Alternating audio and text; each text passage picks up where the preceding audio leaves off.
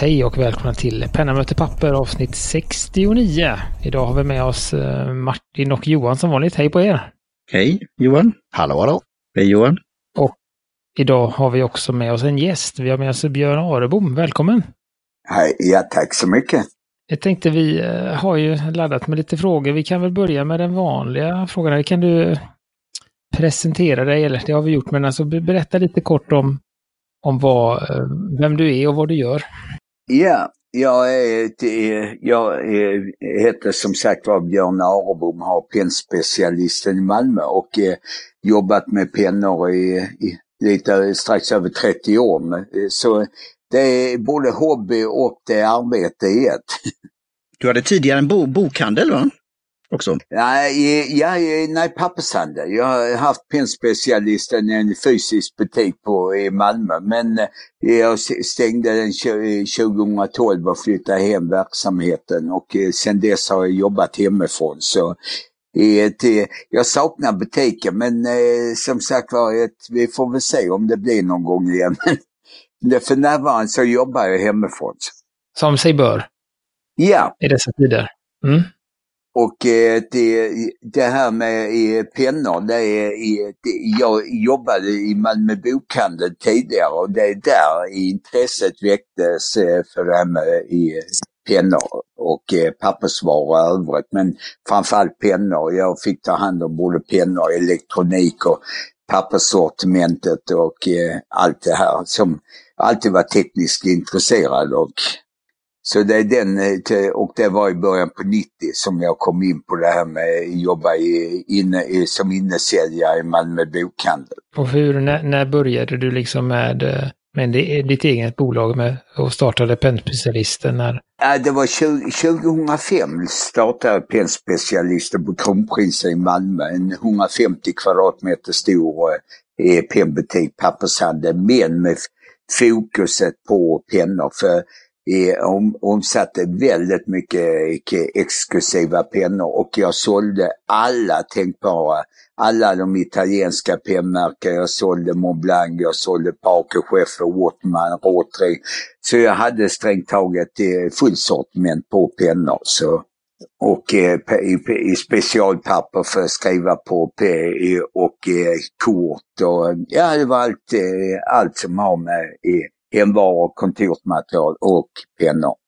Jag tänkte säga, det var någon gång på 90-talet du började serva pennor eller någonting du haft som liksom hobby innan det och liksom lärt, dig, lärt dig själv under en tid innan du, innan du startade eget? Nej, jag, det är så att eh, jag började egentligen köpa nya pennor i Malmö bokhandel. Jag började intressera mig köpa 90, 91 92 där så började jag köpa på mig lite exklusiva pennor. Och eh, i, eh, först, det började egentligen med att jag köpte en väldigt snygg kulspetspenna vi hade fått, eh, som var tillverkad i Schweiz i trä. Helt i trä, väldigt, väldigt.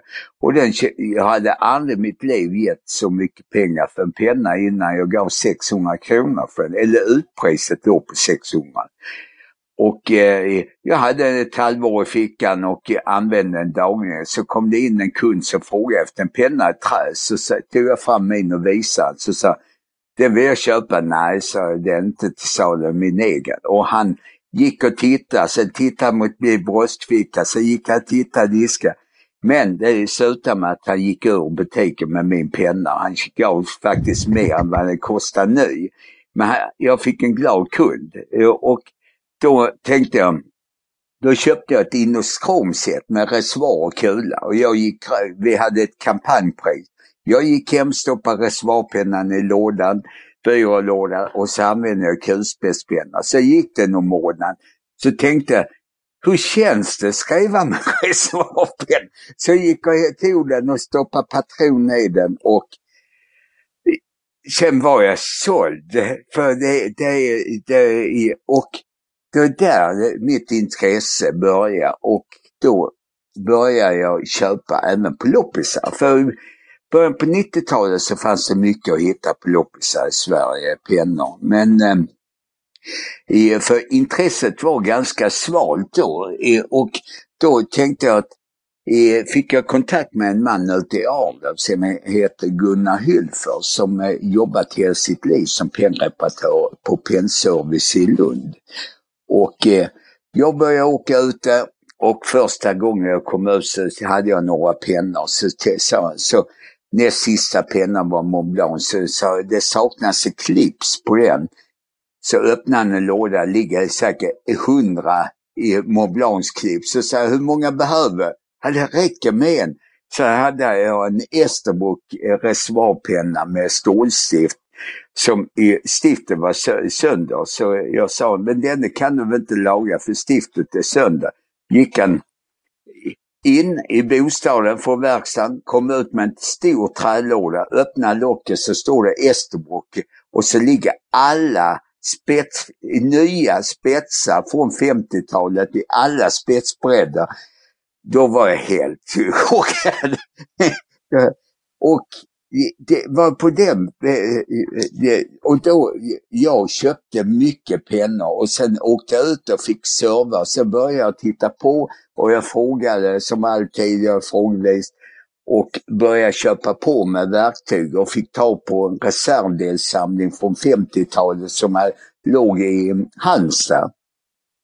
Och det eh, var jättemycket i verktyg, jättemycket reservdelar och sånt. Och eh, det var där det började. Och sen har, jag säger jag har gått i skola i 20 år hos Gunnar Hylfer. Så, för han har lärt mig allt jag kan. Tyvärr lever inte Gunnar längre. Han, finns, eh, han dog för många år sedan. Så, men eh, det, det, är han som har lärt upp mig. Så det kom lite krypande där, eller liksom du blev biten av reservoarpennan och eh, sen var det fast förstår jag? Absolut, jag har alltid eh, i, i reservoarpennor på mig. Och jag har ett problem att alla pennor som jag själv vill behålla, som jag har i bröstfickan, vill kunder köpa av mig. Så det, det är inte, det, man får hålla hårt i dem, så, men eh, det är som sagt var, det, det är kul. Det är jättemycket kunder som kommer och det är jättemycket som, från, eh, som eh, besöker mig från eh, när och fjärran. Det kommer folk från överallt ifrån. Så, uh, har du kunder från liksom bara från Sverige eller kommer det från hela Norden, Europa eller hela världen? Vad har du? Ja, det, det, jag, får, jag har kunder som kommer, kommer från Kanada, från Israel, från, ja, från hela världen strängt taget. Men Danmark är mycket och Sverige. I Norge och Finland har jag kämpat för att nå ut. För det är, så, det är svårt att nå ut eh, i, när man har så global marknad som jag har. För 2005 listade ändå i New York Times världens 100 ovanliga styrka och Penreparatör hamnade på sjunde plats. Så vi är alltså inte så många i världen som sysslar med det, det här.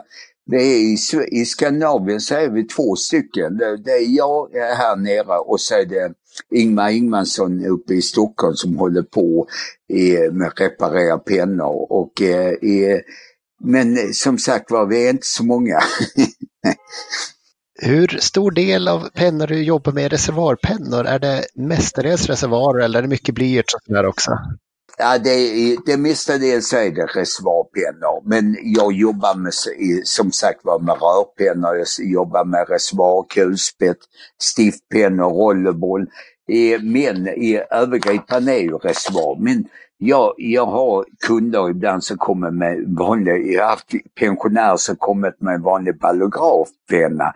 Och det är som så, jag hjälper alla oavsett om det är en billig penna eller det. Bara det alltså i, som jag tycker inte är någon skräppenna. För det är som många tror att jag ratar billigare pennor huvudsak, det viktiga är en kvalitet. Det börjar med ballograf. Det börjar med alltså en penna som man kan byta patroner. Där börjar kvalitet.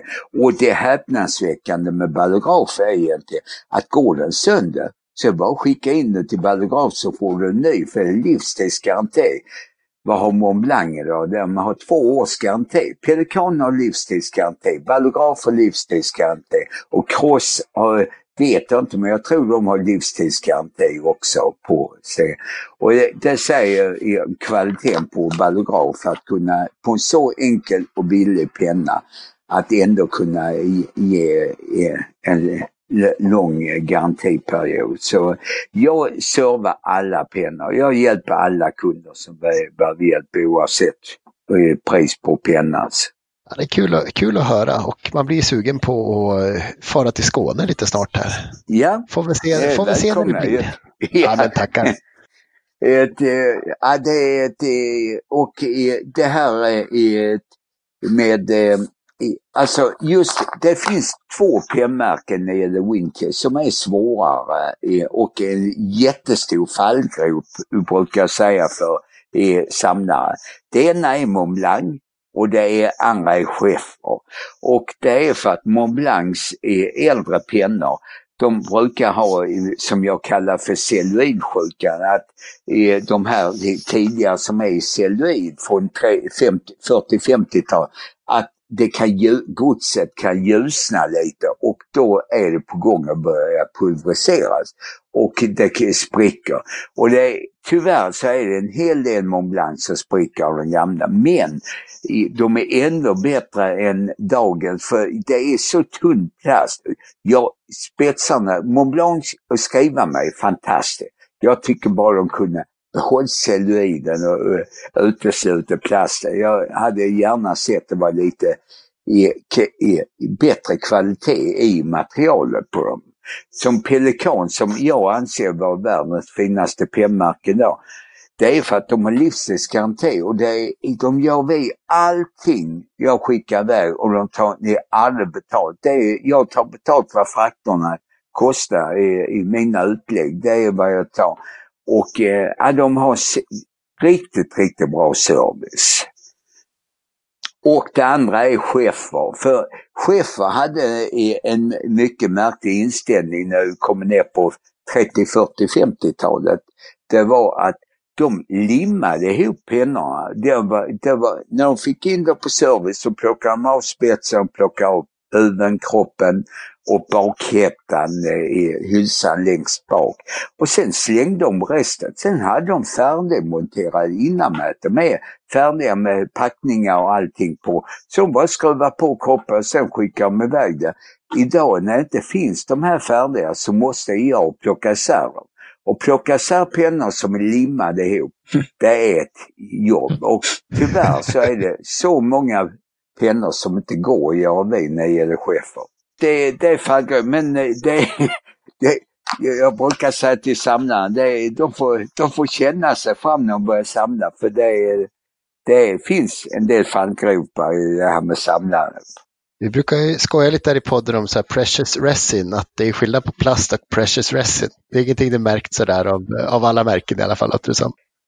Ja, jag vet det. det, det och det tar du till exempel Mont Blanc, den stora 149 från 50-talet, så var det celluloid.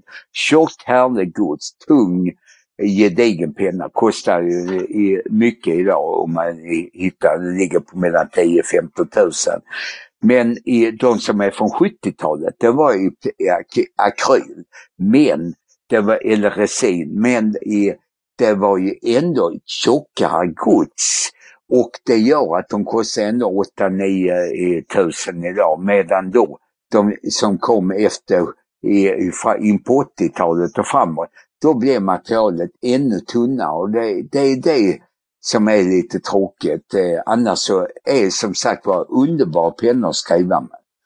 Så det, eh, det, det, det, är synd att de, eh, och plus att de hade ju livstidsgaranti för oss. Så det är tråkigt, det är trist att de drog ner det till två år. Men det, som sagt var, Parker har tagit, dragit ner sina till två år och Waterman till sina till tre år. Så det är, det är den utvecklingen vi går mot. Så, men det är därför jag finns här.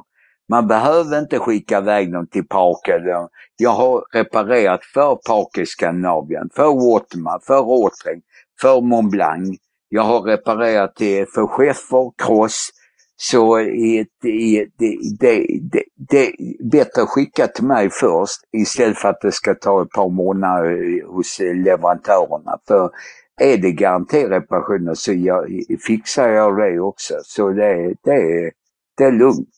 Hur är det för att liksom sätta igång och reparera pennor? Nu är väl, eh, jag är väl en bit ifrån det, jag tror mina kollegor här också. Eh, krävs det mycket liksom utrustning och alltså stora koffertar med Easterbrook-spetsar och eh, alla möjliga liksom, klipsar och reservoardelar? Eller är det ganska lätt att komma igång och börja hobbyrepa lite sådär? Ja, det, det viktiga är att man har en ultra, ultraljustvätt och kan tvätta ren.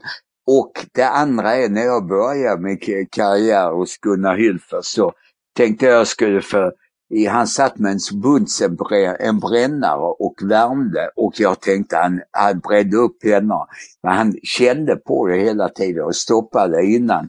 Och jag har bränt upp ett antal pennor men jag tänkte att det var en föråldrad teknik så jag tog en eh, varmluftpistol och tänkte eh, borde vara mycket bättre. Men eh, det gick ju inte alls för då brände man upp pennorna direkt. Så det var, eh, så jag har, jag har ultraljustvätt och jag har en, en brännare som, och sen har jag en annan eh, maskin också till hjälp. För det är, ibland får man köra utnötningstid, för går de inte dela, är de limmade, då får man hålla på tills de antingen släpper eller spricker. Det, det, det, det kan vara väldigt svårt eh, bland delar. Men det är mycket specialtänger, det är mycket eh, det är väldigt mycket specialverktyg för att eh, reparera pennor och eh, för husbehov eh, i Alltså rengöra en penna, det, det, det, det, är ganska lätt när du tittar på de moderna pennorna. För i, på apoteket finns det något eh, som heter Revaxor. Och i den så ligger en röd gummituta. Den eh, kom jag på att den var utformad precis likadant som patronerna ser ut. Fyller man den med kallt ljummet vatten, trycker fast den i pennan och pressar ut vattnet genom spetsen. Då rengör man en modern penna på två, två, två tre sekunder.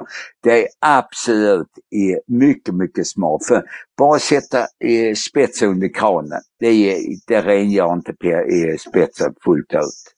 Nej, jag har märkt att det tar ganska lång tid och även om man låter ligga i blöt så får man ju hålla på några, några gånger till. Ja. Och sen är det många som har gjort fel att de stoppar ner pennorna i, som en Scheffel Legacy till exempel, som har inbyggd eh, mekanism. Stoppar de ner dem i vattenkaret och låter dem ligga, då, då sipprar du in vatten i pennan och sen delar de inte, vad händer då? Då rostar pennan inifrån. Och eh, ska man stoppa ner hela pennan i vatten, då måste man plocka isär pennan och torka den till 100 procent. Likadant om man har tvättat huven invändigt.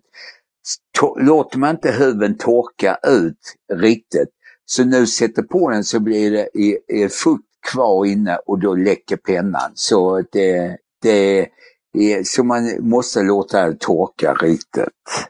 Men annars är det bara att det är vatten, inga tillsatser, bara kallt eller ljummet vatten. Hur ser det ut med liksom med ska man säga, tillväxten. Du har ju hållit på länge som du säger. Hur ser det ut med nya unga eh, som kommer in och, och nästa, vad ska man säga, nästa, nästa generation, hur, hur ser det ut där? I... Ja, det, det, det, jag tycker det är jättetrevligt för det, jag har ju halva, jag har ju massor med advokater, jurister, domare, läkare, tandläkare, andra som kunder, men och framförallt samlare men det är väldigt mycket ungdomar idag som eh, köper reservoarpennor. Eh, så det, ja, det är jättekul. Det är ett, eh, och det ligger rätt i tiden när vi ska satsa på det här med vintage och vi, så, jag menar det är ju inte bara kläder som är vintage. Det är ju pennor, det är armbandsur, det är eh, ett, och eh, det är som jag säger, det är kvalitet. Det, börjar, det efterfrågas allt mer. Så det, nej, det är jätteroligt. Det är ett, eh, och det är som sagt var eh, en ny generation. Men jag tycker lite synd för många, eh, jag tittar på Facebook, att det är många tittar på Tradera och sånt och tror att det är Alltså i, när jag säljer i, i, en, just nu en Parker 51 för 900 plus frakt, 975 rättare sagt. Det är ju bra. Det är jättebilligt pris och eh, det är som så va, de inte tänker på idag att jag tar 400 för att helrenovera en Parker 51. Då blir den i tipptopp som ny. Jag slipar bort eh, eh skravanker, polerar upp det och eh, eh, övriga pennor eh, som du och andra eh, Montblanc och chefer brukar ligga på 500 i, för en hel renovering. Men däremot när det kommer till reservdelar, det är där de tänker sig för när de köper på Tradera. Så för tar man en eh, Parker 51 till exempel, så bara spetsen löst ligger på 800. Den lilla pärlemotoppen är längst upp som håller klipsen på plats. Den kostar 250 kronor då om man hittar överhuvudtaget. För de finns inte att få tag på i, någonstans i världen. Så, de är, så det har blivit så högt pris på dem. Och sen har du då kropp, du har huvud, du har förstycke, du har mekanism. Så i, i delar, så det har varit my, mycket mer idé för mig att sälja i delar än att sätta ihop kompletta. Men jag tycker det är bättre att sätta ihop pennor, sälja dem så andra får glädje av än att det ligger i mina reservdelslådor för jag har tillräckligt några. Men det är inte dyrt att köpa alltså en helrenoverad penna som jag till och med lämnar ett års garanti på. Så det, det, det, det är absolut inte. Och är man osäker om man vill köpa den kontakta mig. Skicka ett mejl och fråga, är detta något? För eh, det här är ett jättestort problem. För många år sedan så var det en uppe i, i Umeå, han köpte på Göteborgs stationsverk två Mont Blanc-pennor från 20-talet i Sterling Silver. Och då, då drog jag öronen åt mig. Hur ofta hittar man dem i, i, eh, exklusiva i, i, mycket svårt att hitta 20-tals i Silver i Sverige, i Skandinavien överhuvudtaget. Och han blev osäker för han gav ändå 14 000 för dem. Och eh, han ringde mig. Jag gick in och kollade såg det rätt att det är alltså nytillverkat i Kina. Det, de gör kopior även på sånt. Och det är ofattbart. Och eh, han drog sig ur affären och eh, fick pengarna tillbaks så han, han kunde häva köpet. Och eh, så det är inte bara nya pennor som de gör kopior på. Det är vi äldre så det, det kostar ingenting att dra iväg ett mejl och fråga. Är detta något att satsa på eller ska jag avråda eller det är som försäkringsbolagen ringer mig när det gäller för, försäkringsärenden med pennor. Så eh, nej, det är, det är fritt fram. Eh, jag funderar lite på dem, eh, för jag såg ju just du, eh, att du har en del, ibland så har du ganska mycket pennor till, till försäljning. Hur, är det bara pennor du sätter ihop från dina reservdelar eller var, var kommer de ifrån? Jag har även kunder som lämnar in till försäljning och jag har ett, när jag började min karriär och började ta emot pennor till försäljning, då, då la jag ut gladeligen och sålde och fick så mycket badwill eh, eh, eh, på att var, den fungerar inte och den var inte. Sen sa jag stopp. Mitt krav är att jag går igenom alla pennorna innan jag lägger upp dem till försäljning. Annars blir det ingenting av det. Och det har varit mycket tjafs. Ja men då kostar ju reparationen. Ja men så, så det, det, då får man också betalt för det. Och det, det är så jag säger till kunder att det är bättre att ha en liten samling och allting är renoverat än att ha en stor samling och in, inget är renoverat. För en värme på en penna som ligger i en samling som inte är renoverad, alltså det, det, det finns inget större värde om man inte vet om den går att plocka isär och renovera. Det, det är då först man kan sätta ett värde på en penna. För eh, går det inte, går den sönder när man ska dela den, då är, då, då är det ju bara reservdelarna kvar. Så det, det är alltid bäst att fråga först innan man, och eh, som sagt var, det är bättre egentligen att köpa alltså i, eh, och jag, jag har till exempel reservoarpennor som ligger på 200-300 kronor och det är ju under. Och det är ett problem att jag har reservoarpennor som ligger under eh, vad reparationspriset är. Och det är alltså billigare det här vi kallar för skolpennor från 40-50-tal. Sådana här med stålspets och så gjordes i stora upplagor men som ändå motsvarar en Parker i kvalitet idag. Jag menar, det var ju bättre, de här gamla med inbyggd kolv och annat, det var ju bra kvalitet. Även om det är strålspetsar är ju bra kvalitet. Men varför gör jag vid dem när det kostar mindre att sälja dem än vad och det är för att jag vill inte ha dem liggande. Jag har så mycket i verkstaden. det är bättre att sätta ihop dem och sälja dem så någon får glädje och kan köpa en billig reservoarpenna och eh, testa, te, eh, testa och, eh, eh, än att det bara ligger och skräpar mina lådor. För de här billiga skolpennorna, det är ju mycket sällan jag behöver plocka reservdelar från dem och då blir det bara liggande.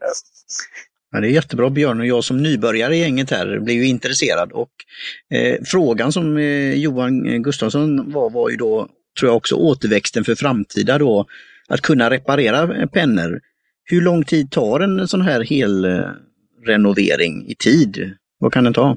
Ja, nej, allt från, eh, det kan ta en timme, det kan uppta, eh, jag kan sitta i flera dagar med en penna fram och tillbaks för att det får, om de är limmade ihop, då får man alltså försöka och försöka och, och det, det, det, det går, eh, det, antingen så går det inte alls att få reserver, eh, då får man eh, kapa sönder och plocka reservdelar av det. Eller så släpper det till slut. Antingen släpper det eller så spricker det. Och det är så synd. Jag brukar säga att en penna som är skruvad ihop behöver man aldrig limma. Jag förstår inte varför folk sätter lim och eh, det mest häpnadsväckande var en kund som har eh, lämnat in till bokhandeln uppåt landet en Parker kulspetspenna i, i förgylld eh, Golden Gold. En Parker Sonett var det. Och eh, han hade tyckt att mekanismen, för på kulspetspenna kan man inte skruva av den eller dra av den och skruva av mekanismen. För det är en lös mekanism, då går det att byta ut den, går sönder. Men då tyckte han det satt lite i riket. Så han tog superlim och satte på mekanismer och tryckte ihop pennan med påföljd att han limmade ihop huvudet med kroppen, med patronen med mekanismen. Och han ville ha det på garanti, garantin. Så jag var tvungen att skicka den till Frankrike med, fick ett svarsbrev att släng och köp nytt. Och det är ju, hur man kan komma på en sån idé, eh, jag, jag förstår inte. Björn, det är ju därför det behövs eh, utbildning i den här formen. Och eh, du var ju med i en podd som heter Nyfikat och där, där ställde de frågan och det var för två år sedan ungefär. Då sa de, eh, vad kommer hända sen? Eh, kommer det bli någon eh, utbildning eller kurs i det här? Hur är, hur är läget med det? Har du hittat på någonting? Eh, hur du kan eh, få lärjungar Ja, jag har funderat. Jag har en kille nu som eh, vill sitta med och kolla och eh, lära sig lite. Jag, jag får se, jag får väl, eh, ha, och jag har sagt till alla välkomna ner och eh, se på och testa på om de vill göra. För det är, det är som jag tycker bara det är trevligt. För jag är 60, jag fyller 60 nu i oktober och jag har sagt jag kommer hålla på så länge jag kan. Eh, och min läromästare Gunnar Hylfers, han, eh, nu kommer jag inte ihåg hur gammal, men han var i 80-årsåldern när han eh, dog. Så ja, vi får se. Men jag, jag, jag, jag har haft tur att jag hittat alla de här reservdelarna. För jag hittade som sagt var en reservdelssamling i Halmstad i, i början på min karriär. En jättestor. Jag fick en chock när jag fick en jag tror det skulle komma en liten kartong, det kom en jättekartong. Och där var alltså både originalverktyg och det var pennor. Sen tog jag över Gunnar Hylfors verkstad när han dog och sen har jag köpt en nedlagd pennbutik i Belgien och jag har köpt en nedlagd eh, pennverkstad från 50-talet som var, låg i, i Danmark. Eh, så jag har haft fördelen att få tag på mycket reservdelar. Så. Så vi får väl se om det blir någon utbildning. det finns ett underlag, ja.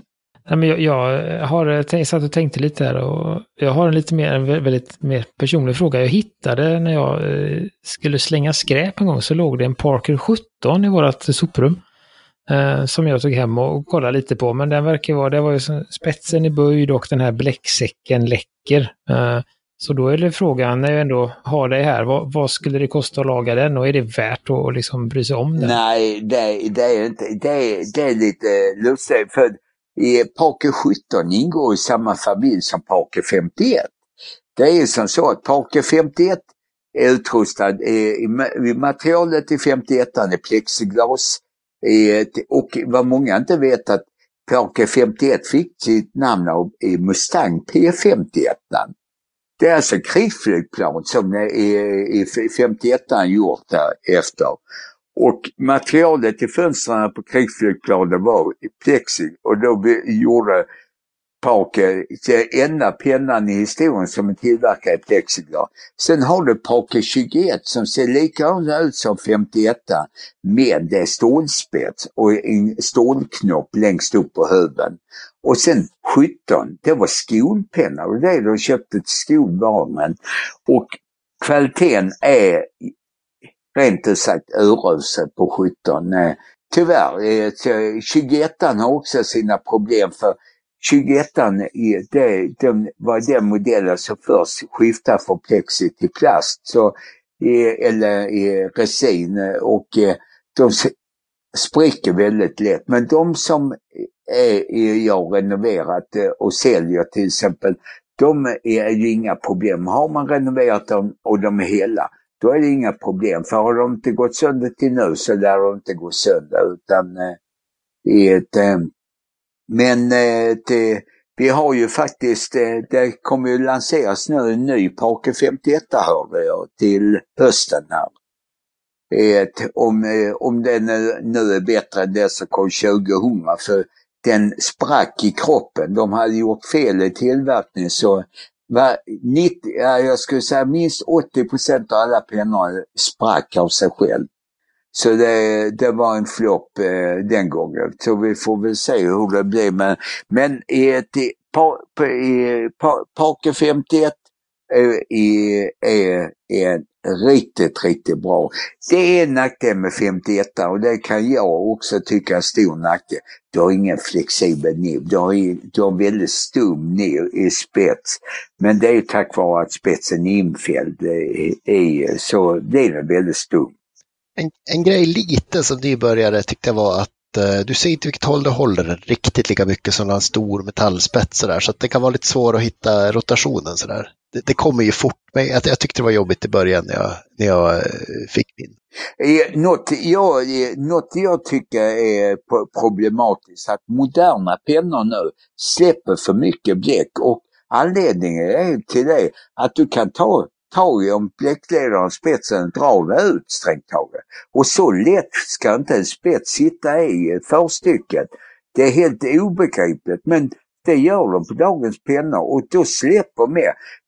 I Chefet i Prelude som är en fantastiskt trevlig modell vi har sålt enormt mycket av genom historien här. Eh, släpper mer bläck än, den blir för flödiga och likadant i Parkinsonet ger också för mycket bläck. Eh, och eh, det är likadant med många andra och ehm, eh, jag tycker det är synd alltså att, eh, att de inte i, i, i, behåller den tekniska eh, som fanns förr, tekniken som fanns förr gör för då, då kunde de ju och de, de borde kunna idag också. Och jag kan tala om att jag, något häpnadsväckande, att jag fick in för några år sedan en OMAS, en stor italiensk OMAS som är, var från 90-talet, en limited edition. Och OMAS hade gått i konkurs. Jag kunde inte skicka en det, så sa jag då får jag prova att dela den själv. Och eh, och när jag delade den så visade det sig att den hade, har, ha, ha pistong precis som eh, Mont Blanc och de tyska har. Och Då visar det sig att i den skruven, i bakhättan du skruvar på, bak där sitter ett mässingsrör. Men på själva i, i, i den delen som packningen sitter på satt en mjuk plastspiral, alltså det var en gängad stav i mjukplast. Och jag, jag, bara tänkte, det är inte sant. Alltså en penna som kostar nästan 9000 kronor ny kan de inte sätta plär. Och den hade knäckts mitt av plus att den delen där packningen satt på hade också knäckts av. Och jag tänkte, vad gör jag? Så jag satte lim, superlim, satte en skruvsäde så jag fick den rakt och lät den torka. Sen fick jag borra en tunt, tunt hål genom hela den här säsongen och fälla in en stålstång i den här. Och sen fick jag bygga upp en ny krans där jag skulle sätta packning och sätta korkpackning. Jag har hållit på flera dagar på, på det här. Men det blev riktigt, riktigt bra till slut. Men jag kan inte förstå, hade kunderna sett hur de var uppbyggda så hade ingen köpt det för det, det är obegripligt att göra så enkel lösning på så dyr penna. Jag, eh, så det är, jag ser ty, tyvärr alldeles för mycket fusk eh, idag på eh, det, det gäller inte alla p-märken. Det är Pelikan och, eh, och Ja, du har ju många andra också, Cross och Schäffer och de andra är bra kvalitet fortfarande och eh, Parker, Duofold är bra kvalitet men de billiga Parker de, eh, de har stora brister då, ty tyvärr. Men det var väl lite samma, för mig det var ganska stort liv när, när eh, Esterbrook upp, återupplivades och man gjorde liknande, liknande pennor till samma eh, dyra pris, men de gjordes på något sånt här löpande band i Kina. Så att kvaliteten var inte alls där. Så att det var ju, de hade ju jättetufft i början eh, och tog bort det som många gillade med Esterbrook som du pratade om där, just att de har så otroligt mycket olika spetsar. Eh, det gick de ju, gick de ju bort ifrån också förstår jag, när de, den nya versionen. Alltså, det, det idén på den gamla, för det är ju som så att Claes Olsson sålde ju Esterbrook på sin tid och eh, det var genialiskt egentligen att ha så, de hade ju det absolut största utbudet av spetsar. Det fanns ju en penna till som hade ett väldigt stort utbud av olika spetsar, fast då i guld. Eh, och det var Park eh, 75. Eh, den hade väldigt många spetsar att välja på. Men annars så är det ju inte så många, det är som idag, många vill ju ha flexibla spetsar. Ja, de kan inte göra flexibla spetsar. De borde kunna för jag menar de gamla patenten har ju gått ut för länge sedan. Jag menar vad är problemet? Det är så Wall Levershop som jag anser var världens bästa spetstillverkare genom tiderna för deras e, flexibla nibbar från 20, 30, 40, 50-talet. De var eh, outstanding och eh, eh, där är det, det, där, de hade ju bland annat på 30-talet den här Doric som hade adjustable nib. Eh, där du har en liten mässingsplatta som ligger ovanpå spetsen som man kan dra ut och, och dra in. Och då kan du gå från stum spets till väldigt extremt mjuk. Och jag hade en sån tidigare, då kunde jag gå från extra fin till bred alltså genom att bara flytta. Alltså de är väldigt mjuka, väldigt flexibla. Och för ett par år sedan så kom pilot med en som heter Justice och jag eh, ropade hej. Eh, för den har också den här plattan på ovansidan och jag fick, en kund köpte och jag fick testa och jag fattade ingenting. Den var, jag gick från hård till mjuk. Men linjerna blev exakt lika. Jag blev, de har totalt missuppfattat så det är ingen, det, den är stum eller mjuk och jag menar stum idag, du skriver inte med kopior så vad, vad finns glädje i det? Och eh, jag, jag förstår inte, det var inte alls, eh, det blev inte alls variation i skrift.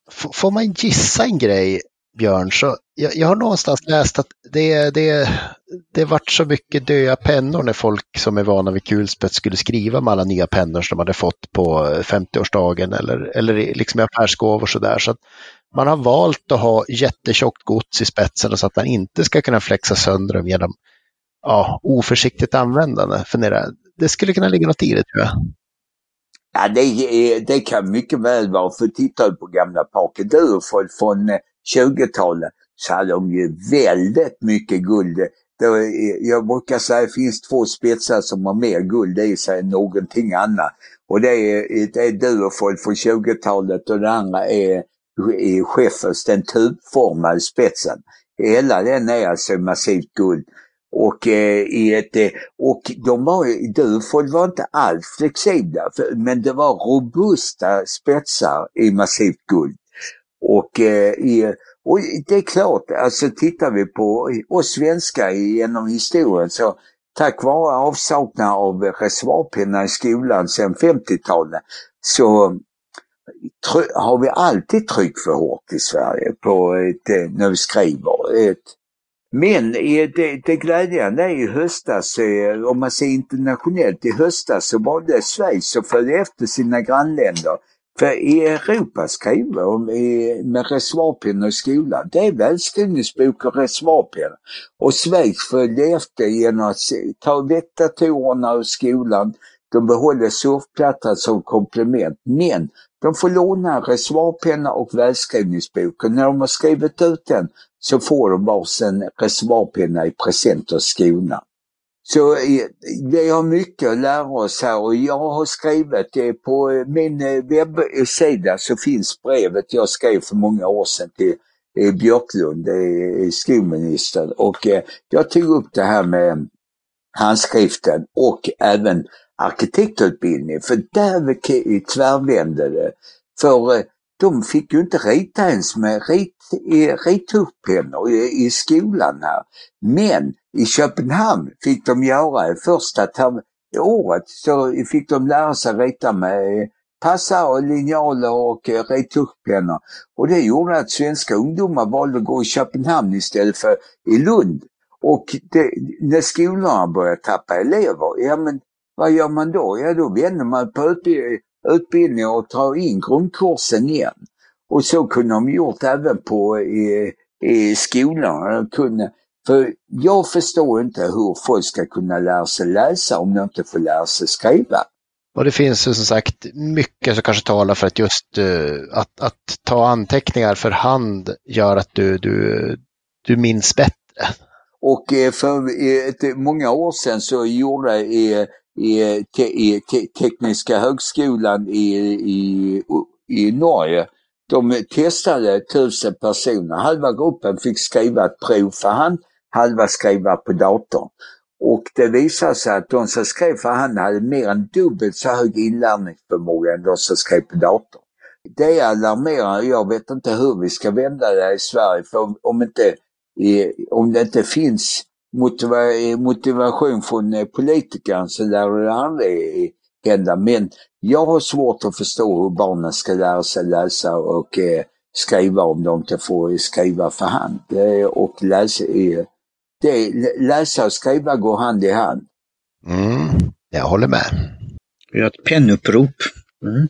Ja, men intresset, det märker på Facebook, det, eh, intresset ökar ju. I ett, så ligger vi på lite så kanske vi ser förändringar någon gång. Ja, man kan ju alltid hoppas. Ja, vi ska sprida det goda ordet med den här podden. Så. Det, jag, jag får bara tillägga en sak att jag hörde att eh, vissa eh, i Montessori-skolor har faktiskt börjat ta upp reservoarpennor. Eh, det, och eh, det, och eh, det finns någon annan privatskola i Sverige som eh, också använder reservoarpennor. Nu kommer jag inte ihåg vad de heter. Eh, men eh, jag, jag träffade eh, rektor i Lund för två år sedan. De berättade att de har tagit in reservoarpennor och undervisning på, i Helsingborg på Montessori-skolan.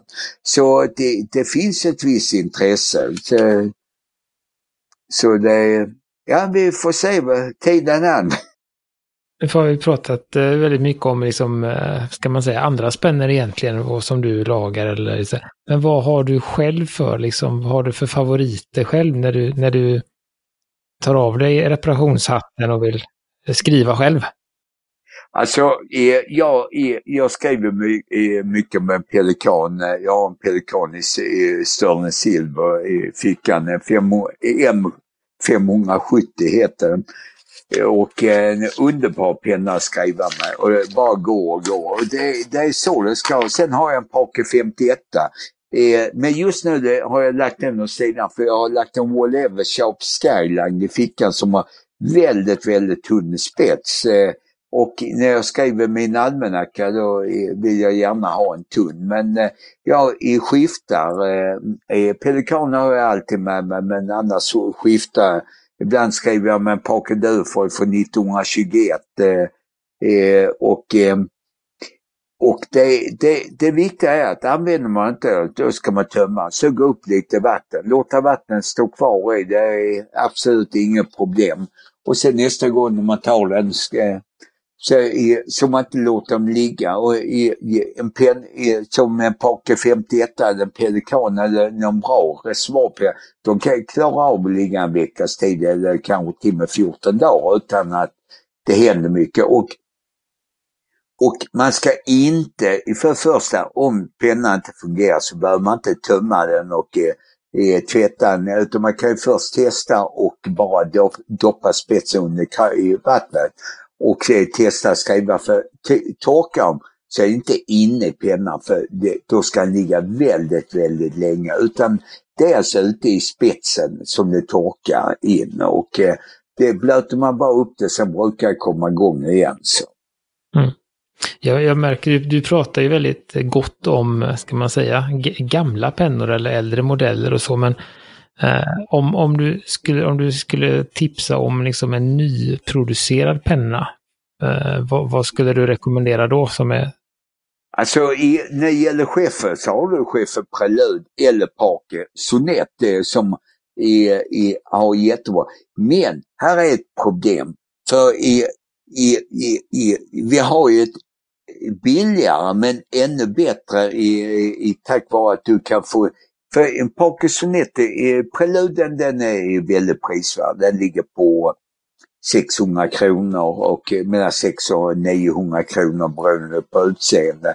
Så eh, billig, bra i, i penna, jättebra. Lite fyllig, man ska i, tänka gärna istället för medium ta fine, för de, de, de är lite för fylliga i skriften som sagt var. Men eh, i, men däremot Parkinsonet, då är det uppe i 1600. Däremot tittar man då på de japanska som tyvärr vi inte har haft någonsin representerade i Skandinavien med en pilot. Då, är, då har du ju både Platum 3776 som ligger på 1600 ut med massiv guldspets. Som är en jättebra penna, fantastiskt bra. Och du har även eh, eh Sailor eh, 1911 som ligger bra till i pris och eh, har guldspel. Och i, i, söker man lite så finns ju de även med S före, SF och SM. Och det är soft, eh, då är de lite mjukare i skriften. Då kan man se soft fine, då kan du gå från fine till medium ungefär i, är, är inte så mjuka som, eh, de, de klarar inte av att göra så mjuka som de gamla Whatever Shop de eh, från eh, 2030, men det är ändå mjukare, de är underbart skrivna. Så de japanska är väldigt prisvärda, men konstigt nog så har de aldrig själv haft någon generalagent i Skandinavien. Pilot har haft det, men där har, det, tyvärr så har de ju mest, mest satsat på engångspennorna av någon underlig anledning. Nu såg jag att de NK hade köpt, en kund som hade köpt en eh, eh Pilot Namiki Imperial. För det är som så, Pilot heter det i väst och det är ju egentligen syftar på en billigare penna för företaget heter, grundaren hette Namiki så företaget heter egentligen Namiki och det är de exklusivare pennorna som är ett, eh, sen har vi en uppstickare i Japan, Nakaya Pen, och det är pensionärer från, i, i, i, i, i före detta arbetare från Platonfabriken som har eh, startat upp ett eget eh, och de gör fantastiska pennor. Men de börjar från 5 500 och uppåt cirka. Men Japan är jätteduktiga på pennor. Japan, Italien och Tyskland är de största pennländerna idag. Lite här som eh, avslutning, eh, Björn, här. Vil vilket moment skulle du säga här nu när du pratat så trevligt om alla aspekter i ditt arbete? Alltså, och, ja, vad, vad, tycker du är roligast eh, med ditt arbete att eh, reparera, underhålla och sälja pennor? Ja, det är, för, jag kan säga att det här med att bara få in en gammal penna, plocka isär den och eh, rengöra allting och eh, sen slipa ner bort alla repor och sånt, polera upp dem. Och när man skickar tillbaks den till kunden så ringer kunden och säger eh, lite förnärmad, jag måste be om ursäkt men du har skickat tillbaks fel penna. Då, då, då, då, vet man att man har gjort ett bra jobb när man inte ens känner igen pennan man skickar tillbaks. Så det är, men det är det som är, det är, är, det är uppskattat det jag gör och eh, jag tycker det är fantastiskt. Varenda kvitto i, i att få in en penna, det är, det är så kul. Och eh, i, i, det, och det kvittar om det nya eller gamla. Det, det, men jag vurmar mycket för Winters för det, det finns mycket fina Winters-pennor ute som bara ligger och väntar på eh, uh, sina nya ägare. Och, uh, ett, eh, och i, hur länge håller en penna? Alltså jag skulle säga i 10, 15, 20 år och, ett, och i, pennan, reservoarpennan, många har undrat hur gammal är reservoarpennan? Och eh, det äldsta kända skriften som finns bevarad är från 900-talet. En eh, Saudiarabisk prins som gav sina guldsmeder uppdrag att ta fram en penna som hade bläck i kroppen och inte behövde doppas hela tiden. Och det, det, finns i skriften bevarad med och historia, men pennan finns inte. Men 2005 så dök det upp på en auktion i Schweiz en reservoarpenna i brons i, som är smalnar av ner till tjock på mitten och sen smalnar av bak, bak till. Och den slits där framme och sen två tredjedelar upp på pennan så är det ett hål i sidan. Och det är alltså där man fyllde i bläck. Och sen skrev man. Och den är hittad i Pompeji, daterad till någonstans mellan 140 70 efter Kristus. Så så gammal är, i, i, res, reservoarpennan som är uppfinning. Och ändå så satt vi med doppepennor, stålpennor och skaft en, i, i våra svenska skolor ända fram till eh, 50-talet, i, i, i början på 50-talet i Sverige. Eh, det kan ju vara en kostnadsfråga och en sån här hållbarhetsfråga kanske. Också. Ja, och vissa skolor hade ju i, i reservoarpennor, men många skolor hade doppepennor. Och, eh, och jag har hört en eh, som berättade uppe i Norrland så hade de doppepenna ända fram till 1952 innan de fick reservoarpennor. Men sen på 60-talet hade de redan fasat ut där då, sen var det blyertspennor ju, som vi skrev och skriva med. Så eh, de i reservoarpennor fick ju aldrig någon vettig chans i, i Sverige, tyvärr inte. Det är ju inte som Frankrike, Tyskland här, för där har man det verkligen som, som, som sin liksom första penna. Ja, absolut. Och nej, många säger, många säger om man ska köpa en billigare, ja, du tittar på en Lamöj Safari eller Lamöj Alu. Eh, fantastisk penna. Ligger, vad ligger på 200-300 kronor. Eh, och eh, ja, och eh, det, det, så man behöver inte gå längre för att få, få en bra penna. Så eh, det, det, det, men jag måste slå sönder en myt. För på, jag hör ständigt på det här med spetshörna att det, stålspetsar i region point. Det är bara i, i det står iridium point på många spetsar. Iridium är alltså en ädelmetall som är dyrare än guld. Och det finns på guldspetsar, inte på stålspetsar. Ändå så står det iridium point på alla de här tyska spetsarna som sätts på alla i kopior och på alla billigare eh, reservoarpennor och så. Och, i, och jag får ständigt förklara att det går inte att sätta världens dyraste ädelmetall på en stålspets. De har två helt olika små. Ja men varför skrev de det? Ja, säg det. Men det står iridium på, på var och varannan spets. Men det är bara, eh, det är bara ploj. Det är alltså bara plåt, ingenting annat. Guldspetsar och iridium, varför? Jo, annars sliter man ner i spetsen. Eh, för med iridium på så håller spetsen. Hur länge? ja, det, jag, jag har skrivit med en Parker Durfol nu från 21 på den har originalspetsen och lär, lär hålla i 100 år till om man inte tappar den i golvet och förstår spetsen.